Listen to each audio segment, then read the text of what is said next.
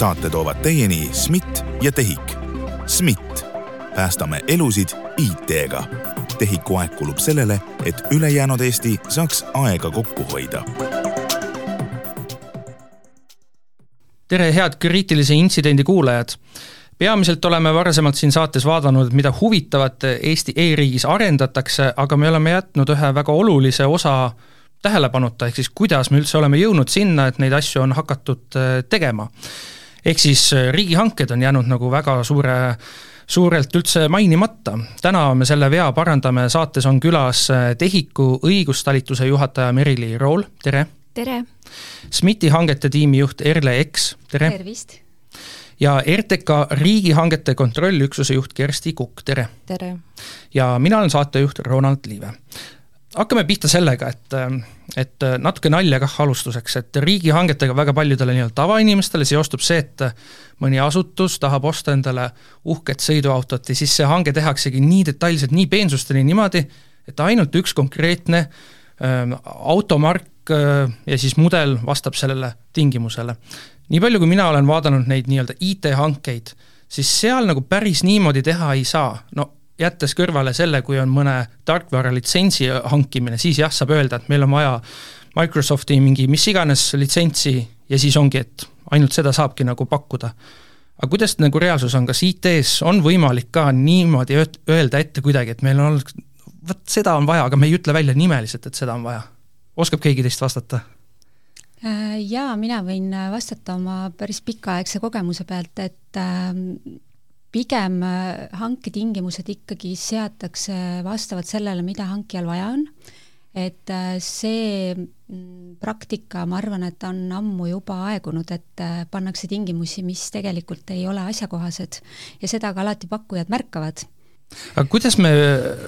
ma küsiks ka seda juurde, et see protsess, et ähm, on nüüd mõni riigiasutus, on see TEHIK või SMIT jõudnud üldse hankesse, kas äh, nagu see ongi see nii-öelda number üks asi, mis siin toimub, et äh, istutakse korraks kontoris maha, mõeldakse, meil on nüüd vaja seda, teist ja kolmandat ja siis me teeme hanke ja niimoodi on. või on seal veel, ma ei tea, kümme sammu enne seda? jaa, et selles suhtes see köögipool on äh, päris pikk enne toimub ikkagi pikk ettevalmistus, äh, hankejuht räägib alati sisuinimesega läbi, mis need tingimused võiksid olla. Ja kui äh, päris täpselt ei tea, mis on see turuolukord, siis me alati hankeinimestena soovitame teha eelneva turu-uuringu. Ja praktika näitab, et selle käigus saab väga kasulikke nõuandeid nii pakkujatelt kui ka hankija saab tekitada dialoogi. Ehk siis turuosalised saavad ise kaasa rääkida, aga loomulikult peab siin arvestama sellega, mis on siis hankija soov ja vajadus ning äh, see, et ükski tingimus ei saa olla kedagi soosiv. et seda me ka proovime ikkagi maksimaalselt äh, kohaldada. mida see turu-uuring endast kujutab? Äh, turu-uuring kuulut-, kujutab siis sellist pakkuja ja hankija vahelist dialoogi, kus on võimalik siis äh, nii-öelda läbi kraadida erinevaid hanke aspekte äh, just nendes kohtades, mille osas hankijal endal on äh, vaja täiendavat informatsiooni, et äh, seada korrektsed hanketingimused. ehk siis näiteks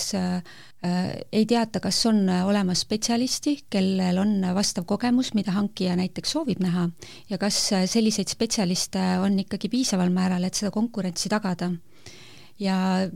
selles suhtes pakkujad on ka väga aktiivsed äh, ise seda ütlema, kas see on kuidagi piirav või mitte. et vahel küsime ka lepingute nõuet, ehk siis see on nõue pakkujale ja samamoodi, et äh, kas meil üldse on turul pakkujaid, kes saavad konkureerida sellele lepingule. ja mõnikord on ka see, et äh, hinnad on väga palju muutunud ja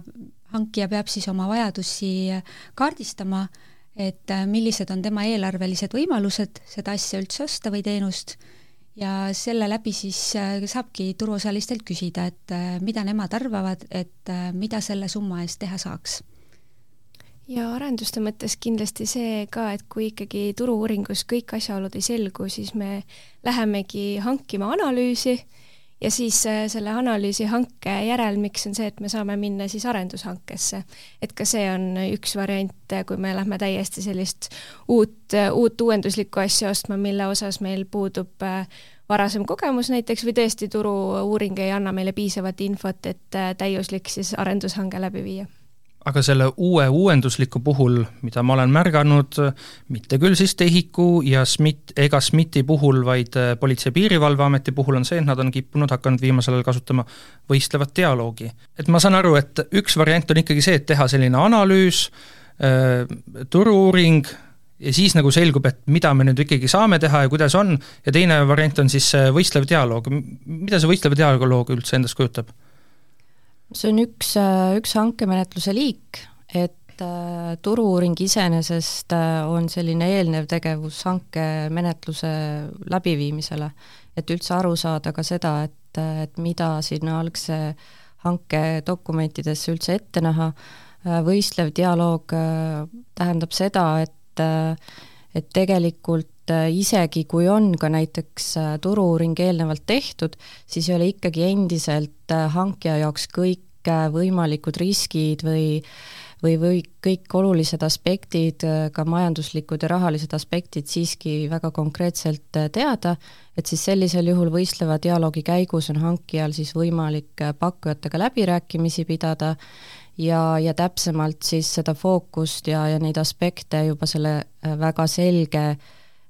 selgelt ette antud tehnilise kirjelduse baasilt siis äh, paika hakata loksutama, et, et jõuda siis nagu parima, parima pakkumuseni ja parima pakkujani. aga Kersti, ma korraks teie juurde jääkski, et ähm, RTK riigihangete kontrollüksuse juht, kas teie olete siis see,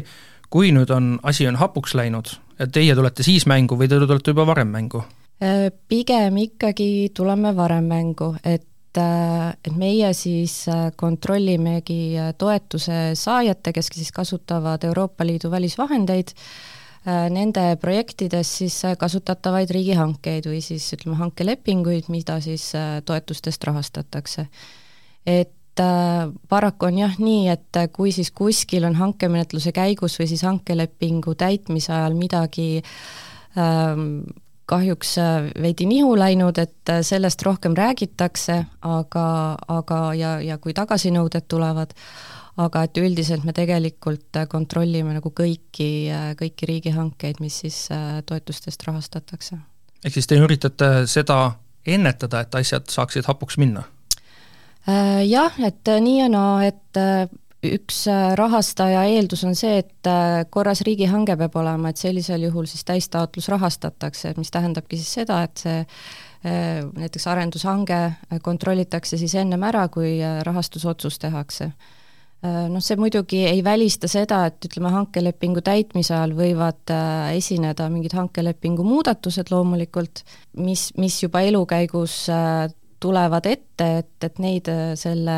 eelneva kontrollimisega välistada ei saa, aga jah, et kogu hankemenetluse mõistes äh, see kontroll on juba varasemalt nagu ära tehtud siis. jättes nüüd kõrvale, et meil on stuudios ka TEHIK-u ja SMIT-i äh, esindajad, kuidas nad on hakkama saanud, kui palju jamasid neil on olnud? Äh, tegelikult tuleb tõdeda, et selliste kesksete hankijate ja kesksete ka IT-majade loomine on nagu ennast ära tõestanud, äh, vähemalt äh, hangete kvaliteedi osas küll, et, et selgelt on näha, et see kompetents on ühte kohta kokku koondatud ja, ja et seal tiimides on nagu väga hea teadmus ja, ja kogemus olemas. Kas me saame mõne, võtta näiteks mõne TEHIK-u või SMIT-i hiljutise näite, mõne hanke siis, ja jah, me nüüd natukene seda taustprotsessi juba rääkisime, aga kuidas ikkagi, kui kaua näiteks äh, ajalises mõttes aega üldse läheb, et jõuda selleni, et nüüd pressile saadetakse välja pressiteade, kus öeldakse, et voo, no vot sellise allkirja me panime lepingule, mille kogu maksumus on vot nii palju see nüüd äh, oleneb sellest taustast, et kust äh, tuleneb siis see soov, et äritelje poolelt, et kas see tuleneb näiteks seadusemuudatusest, tuleneb see lihtsalt sellest, et me ühel hetkel tunneme, et meil on mõni e-teenus vaja siis äh, kas uuendada või, või viia see e-teenuseks üleüldiselt. Et see oleneb, see eel, eelprotsess selles mõttes, aga kui me räägime sellest, kui ta jõuab hanketiimi lauale, siis see ettevalmistusprotsess ühel sellisel avatud hankemenetlusel pikemaaegse partneri leidmiseks äh, on selline, et, äh, et selline hankedokumentide ettevalmistamine võtab aega, mm, ma ütleks, nädal kuni, kuni paar nädalat. lisaks siis kooskõlastusprotsess ja kui hange on välja kuulutatud, siis ta on vähemalt kolmkümmend päeva riigihangete registris, sageli kauem, sest proovitööd on vaja teha, me küsime üpris palju dokumente, näiteks meeskonnatingimused, meeskonnaliikmete CV-d, et püüame jätta pakkujatele nii palju aega, kui meie projekti siis selline ajakava võimaldab, aeg-ajalt äh, ei võimalda väga pikka aega, et siis me oleme niimoodi kitsalt äh, seotud selle ajaraamiga. Kuid äh, seejärel, kui meil on pakkumused käes, siis tehiku põhimõtted on äh, on selles mõttes kiirele menetlusele suunatud, et me ei taha, et pakkujad peaks kaua ootama, nad on ikkagi põnevil, nad on suure töö ära teinud, et meie planeerime oma tegevused siis pakkumuste avamise järel võimalikult kiiresti selles suunas, et me saaksime kontrollida meeskonna liikmete CV-d üle, saaksime asuda hindamise juurde kohe peale vastavuskontrolli ja, ja seejärel me püüame ikkagi tulemused avaldada sellise paari nädala jooksul, et vahel on vaja täpsustusi küsida, vahel on,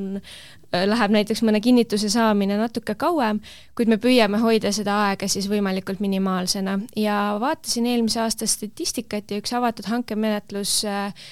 siis tehikus niimoodi avaldamise hetkest kuni lepinguni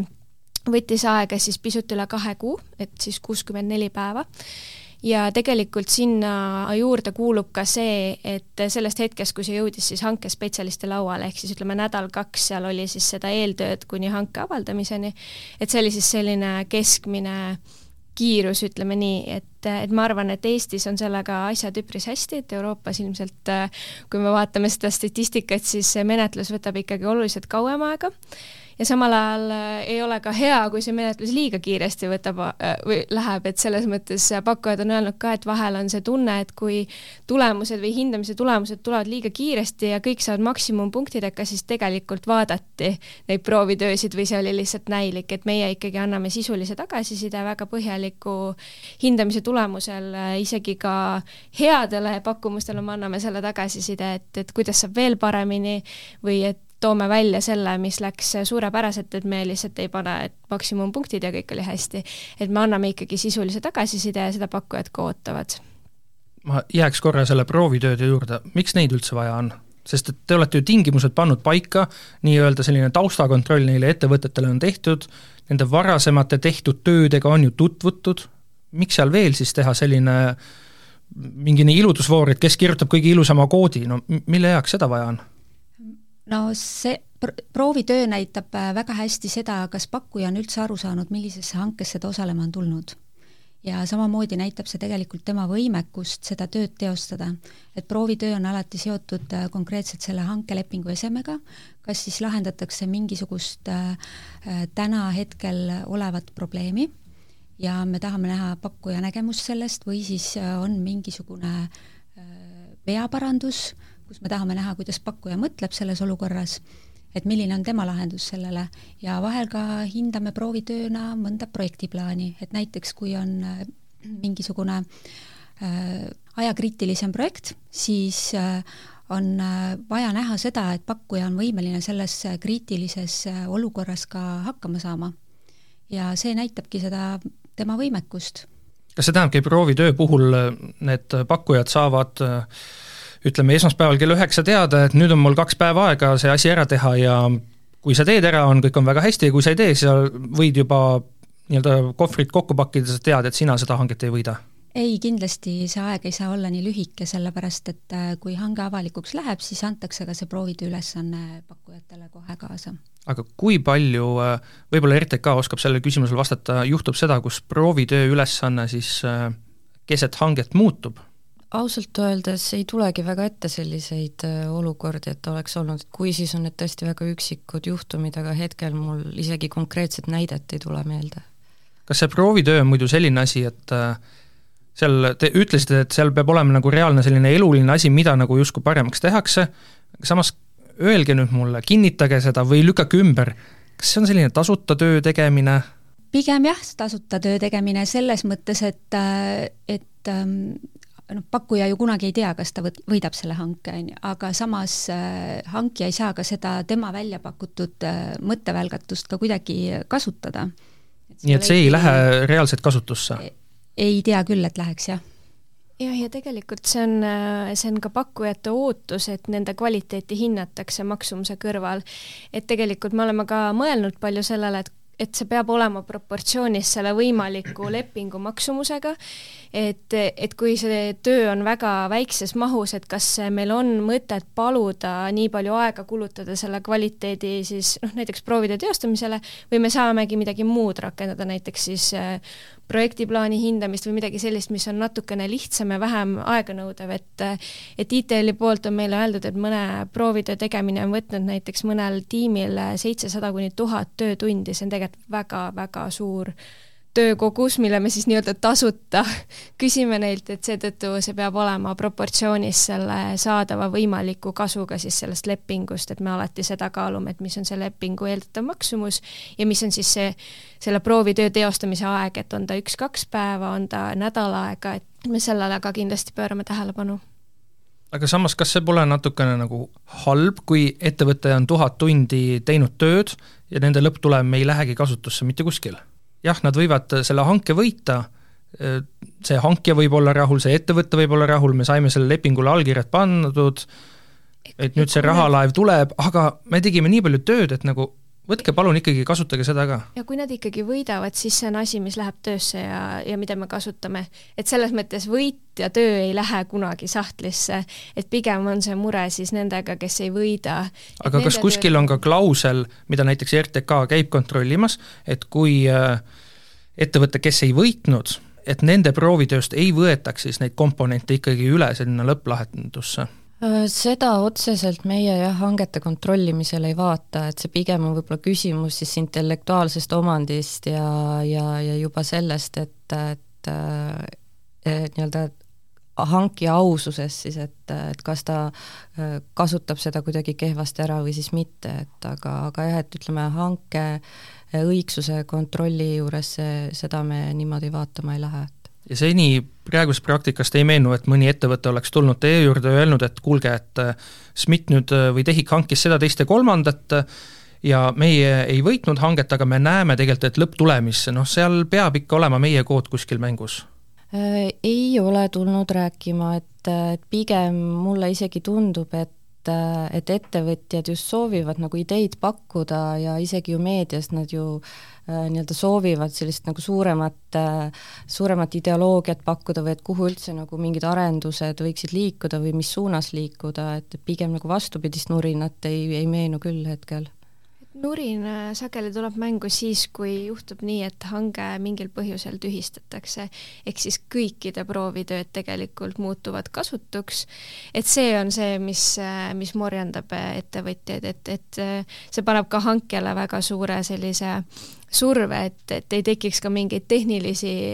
noh, viperusi, et, et me peame mingil põhjusel selle hanke tühiseks kuulutama, et et see on kindlasti murekoht, mida, mida üle pakkujad nurisevad, kui juhtub selline olukord, et näiteks selgub, et mingil põhjusel selle hankega ei saa edasi minna, aga suur töö on tehtud.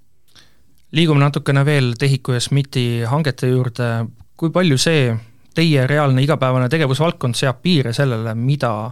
või tähendab, millised ettevõtted saavad üldse hangetel osaleda mi- ja milliseid tütarfirmasid ja, ja alltöövõtjaid nad kasutada saavad, et siin viimastel aastatel meil on mitmeid äh, näiteid, kaasuseid olnud, kus me oleme teada saanud, et äh, mitmed Eesti ettevõtted on saanud aru, et Valgevenes enam ei tohi omada mõnda partnerit, kas neid riike, jah, Venemaa kindlasti, Põhja-Korea, veel midagi? Venemaale ja Valgevenele tekkinud piirangud on ikkagi seotud äh, otseselt äh, sõjategevusega ja need ei ole siis äh, hankija välja mõeldud, vaid tulevad juba Euroopa Liidu tasandilt meile. aga muidu ettevõtjatele meil ei ole piiranguid seatud, pigem need tegevusvaldkonna piirangud SMIT-i puhul tekivad ikkagi nendest tehnoloogilistest lahendustest. ja seal on juba väga täpselt mõne lahenduse puhul ette kirjutatud, millisele tehnoloogilisele tingimusele see teenus või litsents või, või lahendus peab vastama ja kui pakkujate ring äh, sellele pakutavale hankelepingu esemele on väike, siis äh, sinna ei saa kahjuks hankija midagi parata. aga muid piiranguid me siiski ikkagi väldime, et, et võimalikult seda konkurentsi soodustada aga samas saan aru, et TEHIK-u puhul võib-olla natukene vähem, aga SMIT-i puhul rohkem just seda, et et vaadatakse vist ikkagi ka seda mm, nii-öelda üksikindiviidi, kes seal taga on, et tema taust oleks ka puhas või ei vaadata? me ikkagi pakkujate kontrolli teostame vastavalt riigihangete seadusele, aga kui me hangime meeskonnaliikme ressurssi, siis jah, need arendajad, need konkreetsed testijad, analüütikud, arhitektid, kes meile tulevad hankelepinguga juba täitja poolt tööle, siis nende tausta me kontrollime kes siis kõrvale jääb? ehk siis kui, kui meid kuulab mõni, äh, mõni inimene, kes on nii-öelda oma karjääri alguses ja mõtleb, et tema tahab just teha mingit sellist tööd, mille, millega üks hetk võikski mõnes ettevõttes töötades äh, siis osaleda mõnel TEHIK-u või SMIT-i hankel, kuidas ta peab oma elu sättima, mida ta ei tohi teha? Äh, mul ei ole konkreetset nimekirja, sest mina seda taustakontrolli läbi ei vii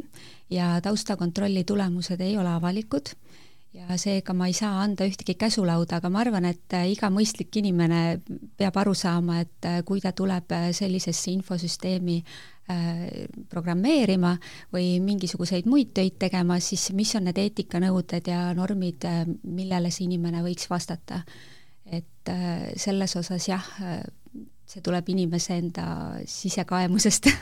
kas teile meenub oma näiteks TEHIK-u näitel äh, mõni selline hange, kus on no tõesti väga hea töö oli, proovitöö oli no super, no prima, ja siis see taustakontrolli käigus selgub, et me ei saa kahjuks selle ettevõtte käest seda hankida ikkagi lõpuks. Meile pakuvad ettevõtjad üldiselt ikkagi äh, kriminaalsete tegevustega ilmselt ei tegele, et et ei meenu küll praktikast, et oleks tulnud äh, kõrvaldada tõesti näiteks huvide konflikti või, või, või mingite muude selliste tegevuste tõttu ettevõtjaid. Äh, esineb aeg-ajalt näiteks maksuvõlgnevusi, mida on võimalik kõrvaldada ka hankemenetluse ajal ja, ja on esinenud ka varasemaid lepingu rikkumisi ja seal siis on hankel kaalutluskoht, et kas see on oluline lepingu rikkumine olnud või mitte ja, ja pakkujatel on võimalus siis selgitada, kuidas nad on heastanud näiteks oma varasemaid rikkumisi ja tõendada siis seda, et nad on jätkuvalt äh, hea partner äh, tegelikult nendes töödes, kuhu nad on tulnud pakkuma. kas äh kuidas RTK vaatest on, et nende lepingute, varasemate lepingute rikkumine ja see, et nüüd keegi ettevõte soovib mõnes uues hankes osaleda, kui nii-öelda puhtalt lehelt neid vaatama peab? No ikkagi nii, nagu riigihangete seadus ette näeb, et, et pigem on täna siis kohustus pakkujal ise juba hankepassis välja tuua oma need varasemad äh, juhtumid Äh, ja, ja siis hankija siis äh, peab kaalutlema ja vaatama, et äh, et mis see pakkuja on siis kirjeldanud seal, et milliseid heastamismeetmeid ta on näiteks ette võtnud, et, et rohkem ei tekiks selliseid olukordi, et et mis tal seal varasemalt need rikkumised näiteks on olnud või, või eksimused hankelepingute täitmisel. Ja, ja, ja siis see on juba hankija nagu kaalutlusotsus, et, et kas, et ta on siis igakülgselt neid asjaolusid hinnanud, vaadanud ka enda nii-öelda hanke peale, hankega seotud asjaolude peale ja, ja siis, siis juba otsustab, et, et kas see heastamismeetmete kirjeldus tagab siis tema jaoks usaldusväärse pakkuja nüüd või, või siis veel mitte, ja kuidas kogemus on, kas äh, hankepassis neid rikkumisi ja eksimusi kiputakse välja tooma või tahetakse ikka kuskile vaiba alla ka pühkida neid? No nii ja naa, et äh, pigem IT-s äh, mul isegi ei tule väga meelde, et, et neid väga palju oleks või et oleks siis jäetud märkimata, et rohkem nagu teistes valdkondades, aga ka seal see sageli ei ole selline nagu pahatahtlik varjamine, vaid rohkem, rohkem siis juba selline olukord, et see ettevõte nagu ise kas siis äh, ei tule lihtsalt selle peale, et see oleks ka tulnud sinna märkida, äh, või, või tema, tema enda see selline tõlgendus sellele olukorrale on ikkagi teistsugune olnud, et tema leiab, et see ei ole olnud siis rikkumine, äh, kuigi noh, tegelikult siis oleks tulnud see fakt sinna lihtsalt kirja panna ja, ja siis äragi kirjeldada, et mis need asjaolud seal olid ja mis ta siis edaspidi on teisiti teinud meil pole veel saade küll läbi, aga mulle juba tundub, et vähemalt IT-maailmas siis hangete osas need ettevõtted kõik ongi nagu ausad ja ei tee pättust ja pettust või, või kuidas on? Mulle tundub küll, et äh, nad ikkagi pingutavad selle nimel, et äh, meie hangetes osaleda ja nad ka teavad, mis on see vastutus ja tegelikult äh, SMIT-i elupäästev IT, mis on meie üks põhiloosung, on ikkagi ka ettevõtjatele oluline. et just see panus meie Eesti riigi sisejulgeolekusse ja turvalisusesse. kuidas üldse SMIT-i ja TEHIK-uga see lood on, et te annaksite nii-öelda kõigile siis võimaluse, jah, te annate kõigile võimaluse osaleda, aga ka see, et te vaatate näiteks, et no meil on üks ettevõte nüüd kümme hanget järjest võitnud, et no tahaks kedagi teist ka ikkagi. meie seda pakkujate ringi tegelikult ju otseselt määrata ei saa, aga just see turu-uuringute korraldamine ongi üks võimalus, kuidas kaasata ka rohkemat ettevõtjate ringi ja näiteks äh, nüüd äh, me ise oleme korraldamas äh, rahvastikuregistri suurt dünaamilist hankesüsteemi ja sinna me ootame ka, ka väga väikeseid ettevõtteid, kellel on siis võib-olla pakkuda ainult ühte meeskonnaliiget. aga võib juhtuda, et seda meeskonnaliiget on meil just vaja sellises mahus ja see on ka väikesele ettevõtjale üks kogemuse saamise võimalus see kõlab väga huvitavalt, mul hea meel oleks, kui te saate natuke täpsustada, mida see hange üldse nagu endast kujutab, et dünaamiline hankesüsteem on siis selline hankemenetluse liik, kus äh, pakkujate ring ei ole piiratud, äh, lihtsalt hankija avaldab hanke ja ütleb, mida ta osta soovib. ja kõik siis pakkujad, kes turul soovivad osaleda ja vaatavad, et nad nendele kvalifitseerimistingimustele vastavad, saavad esitada vastava taotluse, siis hankija need kvalifitseerib ja seejärel toimub siis äh, väikeste hangete või ka suuremate hangete avaldamine äh, täpselt äh, sellises hankija määratud mahus ja vajadustele vastavalt. et täna me soovime hankida sinna kahte arendajat, homme me soovime kolme testijat, võib-olla ülehomme me soovime üldse mingisugust konkreetset lahendust või tulemit saada ja pakkujad siis saavadki vastavalt sellele osaleda, et see on natukene võib-olla avatum süsteem kui äh, senine mitme pakkujaga raamhanke formaat. Ja TEHIK-ul on näiteks äh, eelmisest aastast äh, väga suur kogemus dünaamilise hankesüsteemiga, et jaa, ma jagakski kohe seda mõtet, et et just seesama sarnaste pakkujate ring on meil olnud äh, samamoodi mureks, see, et, et on konkurentsi vähe, me tahaks seda laiendada. Ja eelmisel aastal panime teiste IT-majadega pead kokku ja tegime tõesti sellise IT-arenduste analüüsi testimise dünaamilise hankesüsteemi et saada kuidagi rohkem neid äh, pakkujaid äh, lähemale, et nad äh, näeksid ka teiste IT-majade siis hankeid, et kui täna on näiteks Gemitil on oma pakkujate ring välja kujunenud, sest lihtsalt teemade ring on sama, SMIT-il, RMIT-il samamoodi ja ka TEHIK-ul, et nüüd me näeme, et see dünaamiline hankesüsteem on kokku toonud tegelikult tänaseks nelikümmend seitse erinevat pakkujat Äh, kui muidu tavaliselt hangetes, suures, suurtes hangetes pakub selline neli kuni kuus pakkujat, siis tegelikult meil on üks selline ühtne keskkond, kus on koos nelikümmend seitse erinevat ettevõtet, suuremaid, väiksemaid, kes tõesti võib-olla ei ole valmis tervet raamlepingu vastutust võtma, aga sooviksid väikestes tükkides osaleda. Ja, ja me näeme, et see mõjub väga hästi konkurentsile, meil on täiesti uusi ettevõtteid tulnud pakkuma, keda me varem ei ole kunagi oma hangetes näinud ja see on väga-väga tervitatav äh, meie poolt ka just selle konkurentsi suurendamiseks ja tõesti uued värsked mõtted, uued partnerid laua taga, et meile see väga, väga meeldib, et me saame, saame siis kaasata tõesti ka väiksemaid ettevõtteid ja tegelikult aidata kaasa sellele, et, et uusi mõtteid on juures. aga mis on selle dünaamilise hanke siis lihtsalt selle erinevus, et see hanke võitja siis kasutab mõnda alltöövõtjat? Äh, ei, alltöövõtjaid ja, ja ühishankeid saab teha igas hankes, et see ei ole, kui see konkreetselt otsesõnu keelatud mingil põhjusel ei ole, et pigem see muudab selle hanke menetluse veidi äh, lühemaks, aga samal ajal koondab kokku ikkagi sarnaseid teenuseid pakkuvad ettevõtjad, nii et nad tõesti, nagu Erle ütles, äh, vastavad siis kvalifitseerimistingimustele, meil on paika pandud ka hindamiskriteeriumid, ehk siis pakkujad üldjoontes teavad, milline see hange välja näeb, aga nad saavad siis selle täpsema skoobi juba hanke siis äh, selle seotud hanke väljakuulutamisel, et et tõesti nagu raamlepinguga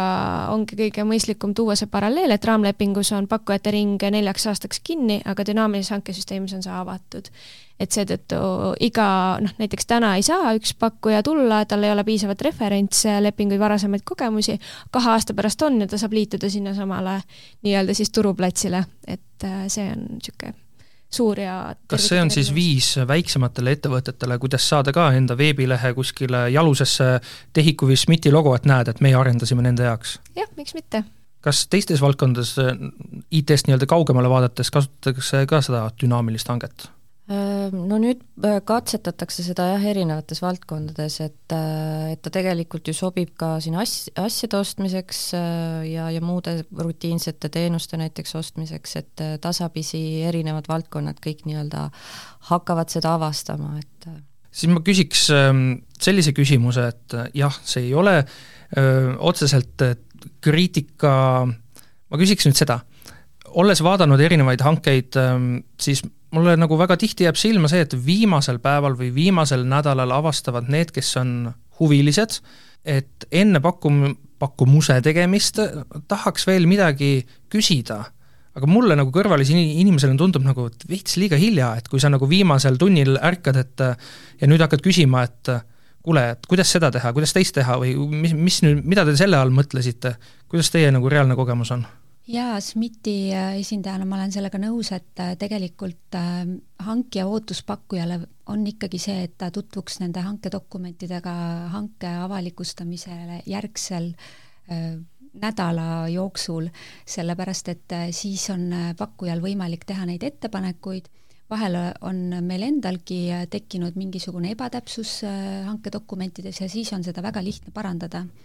ja samamoodi on meil siis rohkem aega neid äh, ettepanekuid kaaluda, et kas need on mõistlikud ja kas me saame neid rakendada. et kui see küsimus jääb väga nüüd äh,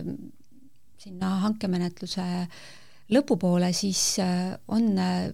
juba hankijal need piirangud, et ta peab muutma dokumente, ta peab muutma seda pakkumuste esitamise tähtaega ja kui meil on teate avaldamine Euroopa Liidu teatajas, siis see võib võtta kaks kuni viis tööpäeva. ehk siis vahel võib juhtuda see olukord, et äh, me näeme, et jah, me oleksime saanud siin midagi muuta, aga me lihtsalt enam ei jõua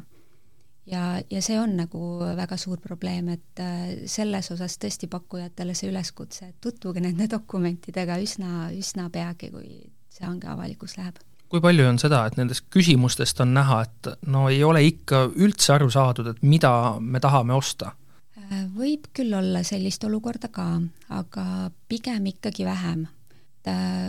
Võib-olla selliseid äh, pakkujaid on tulnud turule, kes äh, siis ei ole meiega enne koostööd teinud või meie hankelepinguid täitnud, et siis võib-olla see skoop tema jaoks nagu veidikene ebaselge. aga me proovime endast teha kõike, et see nii ei oleks ja seda tausta ikkagi maksimaalselt avada, et äh, mis on see hankija ootus ka meie TEHIK-us oleme märganud, et, et just sellised värskemad ettevõtted, uued ettevõtjad nii-öelda hangete turul et, et võib-olla on ka tekkinud äh, selliseid olukordi, et me saadame, näiteks oleme kogu menetluse ära teinud, pakkumused ära hinnanud ja siis saadame hankelepingu allkirjastamiseks ja siis tuleb ettepanek, et et äkki lühendaks näiteks maksete tähtaega või, või muudaks seal seda teist-kolmandat tingimust et see ei ole enam koht, kus hankija saaks lepingut muuta või üldse tingimusi muuta, et siis on juba hilja ja väga hilja, sest äh, pakkuja on oma pakkumusega seotud, kui ta on selle ära esitanud enne tähtaega ja see tähtaeg on kukkunud pakkumuste esitamiseks, ta ei saa enam muuta seda, ta ei saa taganeda sellest väga lihtsasti et, äh, et sellest on kahju, kui siis avastatakse, et tegelikult mingi tõesti pisiasi vajaks muutmist, et ma ei tea, kahekümne ühe päeva asemel neliteist päeva maksetähtaeg, et see ei ole asi, mida hankija ei oleks nõus kindlasti muutma, olenevalt lepingust, aga, aga me lihtsalt ühel hetkel ei saa seda enam teha ja siis on, siis on äh, kahju natuke pakkujast, et ta hilja, või noh, liiga hilja sellega tegelikult tutvus, millega ta ennast sidus. Ja loogiliselt mõeldes ma saan aru, et kui nagu selles küsimuste küsimise faasis küsida selliseid mõningaid kuidas nüüd poliitiliselt korrektselt öelda, et mitte kõige arukamaid küsimusi, mis nagu näitavad välja, et sa ei ole selle valdkonnaga kõige rohkem kursis, et see, et seda ei vaadata nagu negatiivselt, pigem vaadatakse negatiivselt seda, et kui sa oled juba selle pakkumuse esitanud ja sealt nagu paistab välja, et, et ei saada nagu hästi aru, et siis on nagu pigem see halb pool käes ega hankija tegelikult ei saa siin oma meelsust kuidagi väljendada, eks ole, et siis ta on noh, ei saa kuidagi pakkujat soosida või mitte soosida, mida pakkuja arvab sellest hankest või, või küsib rumalaid küsimusi, siis jah, see võib-olla toob hankijale kaasa mõningase riski, et kas ta ikkagi on piisavalt pädev, et selle leping täita, aga mingit hankija meelsust ei saa küll öelda, et äh, meil kuidagi tekiks. Jah, samamoodi, et, et pigem küsige, isegi kui tunduvad rumalad küsimused, küsige ära, me saame vastata, et vahel me peame vastama ümmargusemalt, näiteks äh, kui küsitakse proovitöö kohta küsimusi, mis, mille vastus näiteks hankija poolt lahendaks kogu proovitöö ülesande ära pakkuja eest, et ilmselgelt selliseid asju me ei saa, äh, selliseid nagu siis äh, vastuseid anda, mis, äh, mis teeks äh, pakkuja eest mingi töö ära, mis näitab tema kvaliteeti. et, et selles osas me peame olema natuke tagasihoidlikumad oma vastuste koostamisel, aga jaa, meie TEHIK-us hankijana alati ootame neid küsimusi, nii me saame kõik asjad täpsemaks, saame ka ise selle tagasiside, et meie hankest ollakse huvitatud, sest kui küsimusi üldse ei ole, siis on see viimase tunnini mõttemäng, et kas üldse ei tule pakkumusi või, või on kõik nii hästi, et, et tuleb mitu pakkumust, et see on alati selline kätevärin, meie meie ju eesmärk ei ole hange iseenesest, me tahame seda projekti läbi viia, me tahame seda hästi läbi viia, need eesmärgid saavutada. Ja sinna aitab ikkagi kaasa see, kui meil on konkurents, meil on pakkumusi, et, et see on ikkagi see, millele me oleme orienteeritud. ma liiguks nüüd natukene edasi selle juurde, et um, olles väga palju riigihankeid aastate jooksul vaadanud, siis äh, jah, mul on ka juba tekkinud selline äh, oskusteave, et äh, kuidas neid lugeda, aga need kipuvad ikka väga kantseliitlikud olema. kas seal saab nagu kuidagi lihtsustada ka, et, et ei kasutaks nii keerulisi sõnu, et saaksid nagu, suurem enamus saaks nagu aru, millest jutt on? on see kuidagi võimalik? tegelikult äh, hankedokumendid peavad olema väga konkreetsed ja ühemõttelised, et ta ei ole ikkagi ilukirjanduslik tekst, et äh, et, et seal oleksid variatsioonid ja, ja mingid värvid sees ja teda oleks hõlpsasti äh, lihtne lugeda, vaid et ta peabki olema tegelikult ilma vastuoludeta ja väga konkreetsete terminitega, nendel terminitel on omad tähendused hangetes. aga ja... keel uueneb ju ajas, et me võiks ka sinna selliseid keeleuuendusi tuua sisse näiteks no selles osas ma olen nõus, et kantseliiti alati võiks vähem olla, et kui ametlikest dokumentidest rääkida, aga, aga siin taustal on ikkagi riigihangete direktiivid ja riigihangete seadus, seal on paljud mõisted ära defineeritud ja, ja neid mõisteid tuleb selles kontekstis kasutada ja tingimused peavad siis olema ka väga ühemõttelised, et et hiljem ei tekikski neid probleeme, et hankija mõtles ühte, pakkuja number üks mõtles teist ja pakkuja number kaks mõtles kolmandat ja siis lõpuks tuleb RTK veel kontrollima ja siis tema ei saa üldse aru, et mis see tegelik mõte seal taga oli ja kus see, kus see siis nagu õige, õige otsus oli, et eks see on teadmine kõigile ettevõtetele, kes soovivad riigihangetes osaleda, et noh, täna siis SMIT-i ja TEHIK-u näitel mitte nemad ei ole lihtsalt omast heast tahtest niisama kirjutanud sellise kantseleitliku dokumendi, vaid seadused lihtsalt ütlevad neile seda ette ja sellega peab leppima. Äh,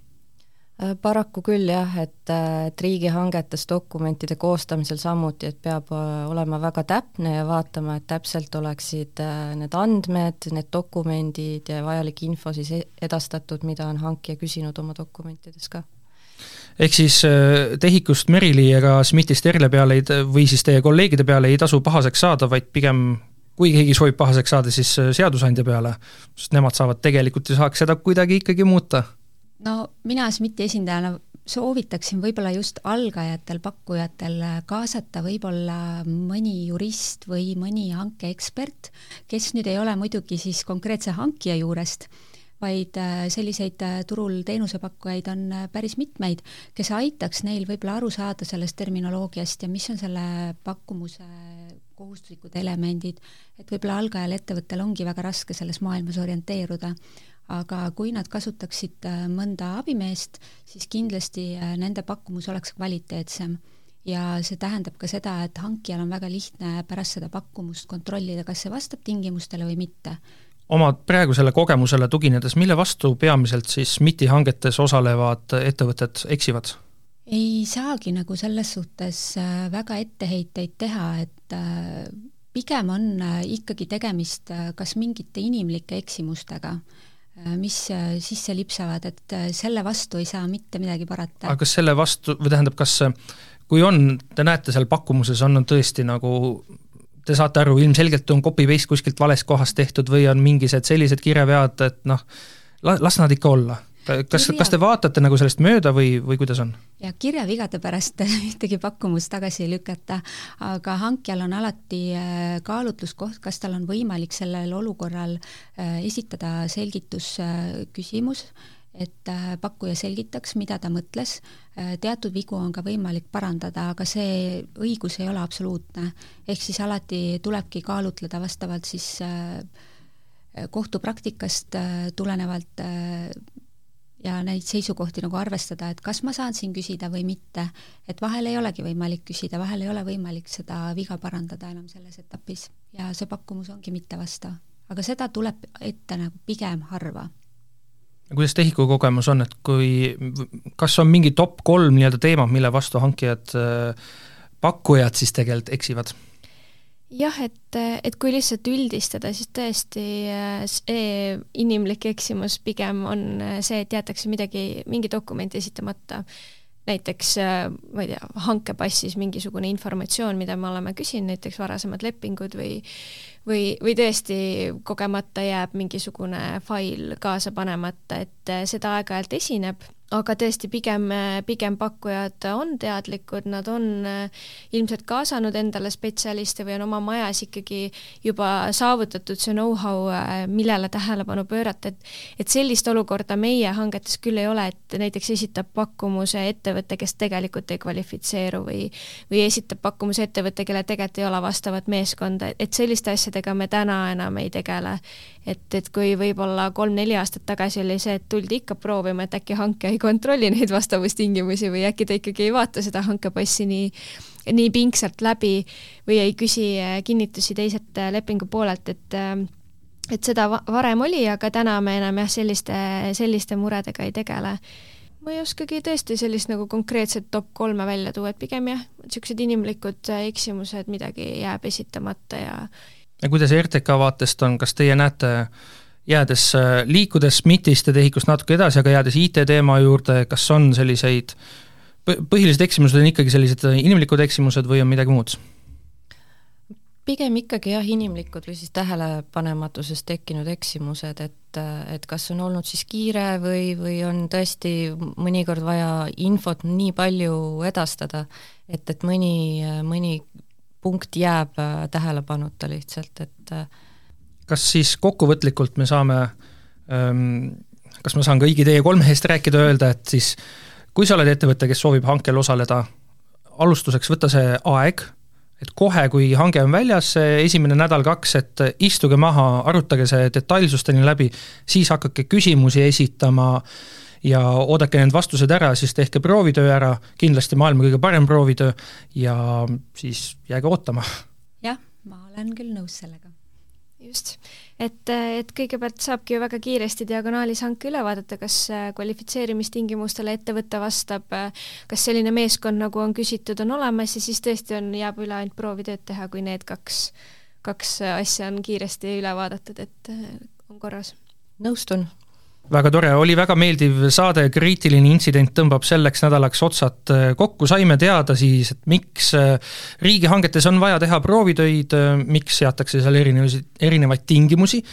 ja mis asi on selline huvitav asi nagu dünaamiline hange ja mille kaudu siis saavad ka väiksemad ettevõtted hakata enda näiteks veebilehtedel välja tooma seda, et nemad on Eesti e-riigi jaoks midagi vahvat ja toredat arendanud. saates olid külas TEHIK-u õigustalituse juhataja Merili Rool, SMIT-i hangete tiimi juht Erle Eks, RTK riigihangete kontrollüksuse juht Kersti Kukk mina olen saatejuht Ronald Liive ja annan ka omalt poolt ühe siis äh, nii-öelda soovituse või palve kõigile hankel osalejatele, et tõesti, küsige neid küsimusi, see annab ka ajakirjandusele väga hea sisendi, et millise ettevõttega on tegu. aga meie, head kuulajad, kohtume juba uuel nädalal